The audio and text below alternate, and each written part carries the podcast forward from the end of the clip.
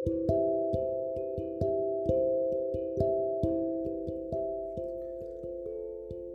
assalamualaikum warahmatullahi wabarakatuh.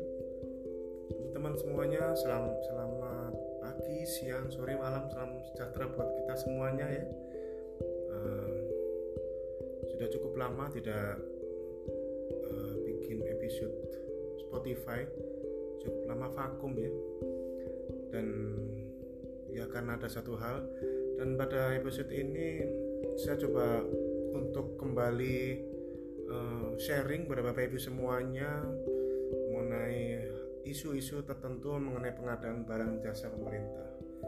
Nah, pada episode kali ini saya coba mengulas ya sedikit mengenai uh, pemenang dalam proses uh, tender ya, proses tender seleksi bahwa yang diatur dalam seluruh dokumen pemilihan ya.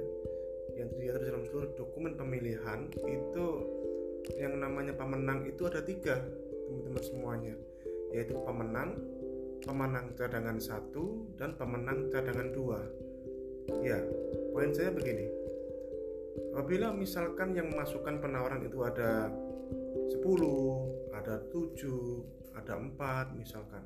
Terus sampai tahap akhir yang itu Pokja Bapak Ibu semuanya Pokja itu hanya mengevaluasi tiga penawar terendah ya tiga penawar terendah urutan 1, 2, dan 3 misalkan nomor 3 ternyata tidak lulus ya ada bagian yang tidak lulus ya ambil ya urutan berikutnya nomor 4 jadi nomor 3 misalkan. Eh ternyata yang nomor 2 tidak lulus ambil yang nomor 5 dan seterusnya.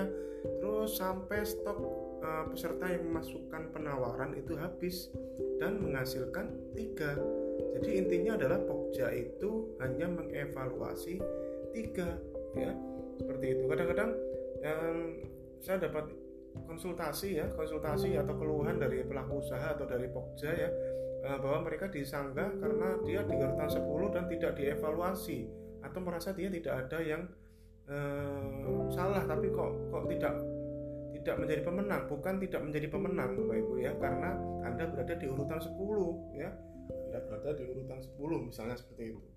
Ya, jadi peluang untuk terevaluasi itu cukup kecil karena sekali lagi dia Pokja mengurutkan dari harga terendah 1, 2, 3 terendah dulu. Misalkan nomor satu ternyata satu terendah ternyata ada yang tidak lulus ya dia ngambil urutan berikutnya urutan berikutnya dan terus menerus sampai akhirnya di ketemulah tiga pemenang yaitu pemenang pemenang cadangan satu dan pemenang cadangan dua. Katakanlah uh, Pokja itu ngintip-ngintip uh, dokumen penawaran yang lain. Misalkan dari 10 tadi misalkan itu 7 yang lulus. 7 yang, yang lulus ya misalkan ya. Dan yang dinyatakan menjadi pemenang adalah yang ada di urutan 2, 3, dan 4 misalnya seperti itu ya. Misalnya urutan 2 dan 3 dan 4 dan ada 7 yang lulus misalkan. Ya sudah teman-teman semuanya bahwa yang dilaporkan ke PPK ya hanya sebatas tiga peserta tersebut yaitu pemenang, pemenang cadangan satu dan pemenang cadangan dua. Ya seperti itu. Nah misalnya nih ya misalnya ya teman-teman semuanya. Terus pem pemenang tadi berkontrak ya. Pemenang tadi berkontrak. Terus alhasil setelah jalan satu dua bulan ternyata ya ada terdapat suatu hal yang menyebabkan PPK itu melakukan pemutusan kontrak misalnya begitu. Ya terus melakukan pemutusan kontrak misalkan. Nah itu bisa langsung dilanjutkan ke uh, ditindaklanjuti dengan langsung pemenang cadangan dua. Ya pemenang cadangan dua.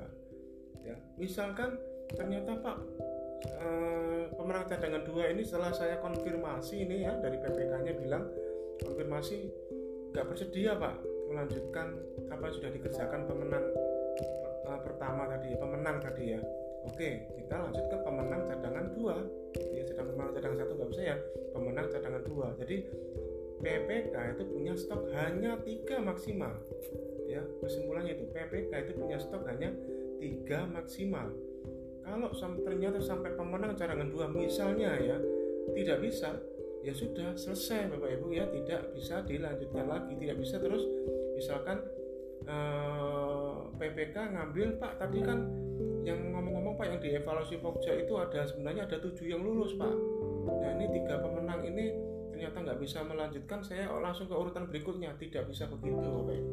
Karena yang dilaporkan yang bisa ditetapkan di SPPJ kan oleh di SPPJ kan oleh eh, PPK ya yang diberikan surat penunjukan penyedia barang jasa oleh PPK adalah maksimal tiga peserta atau pelaku usaha yang dilaporkan oleh Pokja pemilihan. Ya sesuai dengan IKP Bapak Ibu bahwa di klausul tentang penetapan pemenang bahwa Pokja pemilihan menetapkan pemenang pemenang cadangan satu dan pemenang cadangan dua. Artinya itulah yang dilaporkan oleh Pokja pemilihan menjadi stok PPK kalau itu ternyata misalkan selama masa pelaksanaan kontrak habis ya sudah. Sudah selesai ya harus dilakukan pemilihan lagi. Tidak ada stok lagi tidak bisa langsung ke urutan uh, berikutnya ya. Karena itu urutan berikutnya itu tidak dilaporkan kepada PPK sekali lagi urutan berikutnya yang katakanlah tadi lulus itu tidak dilaporkan ke PPK karena sekali lagi yang dilaporkan ke PPK adalah pemenang pemenang cadangan satu dan pemenang cadangan dua. Oke? Seperti itu kurang lebih teman-teman semuanya sharing dari saya. Semoga bisa bermanfaat. Sukses buat semuanya ya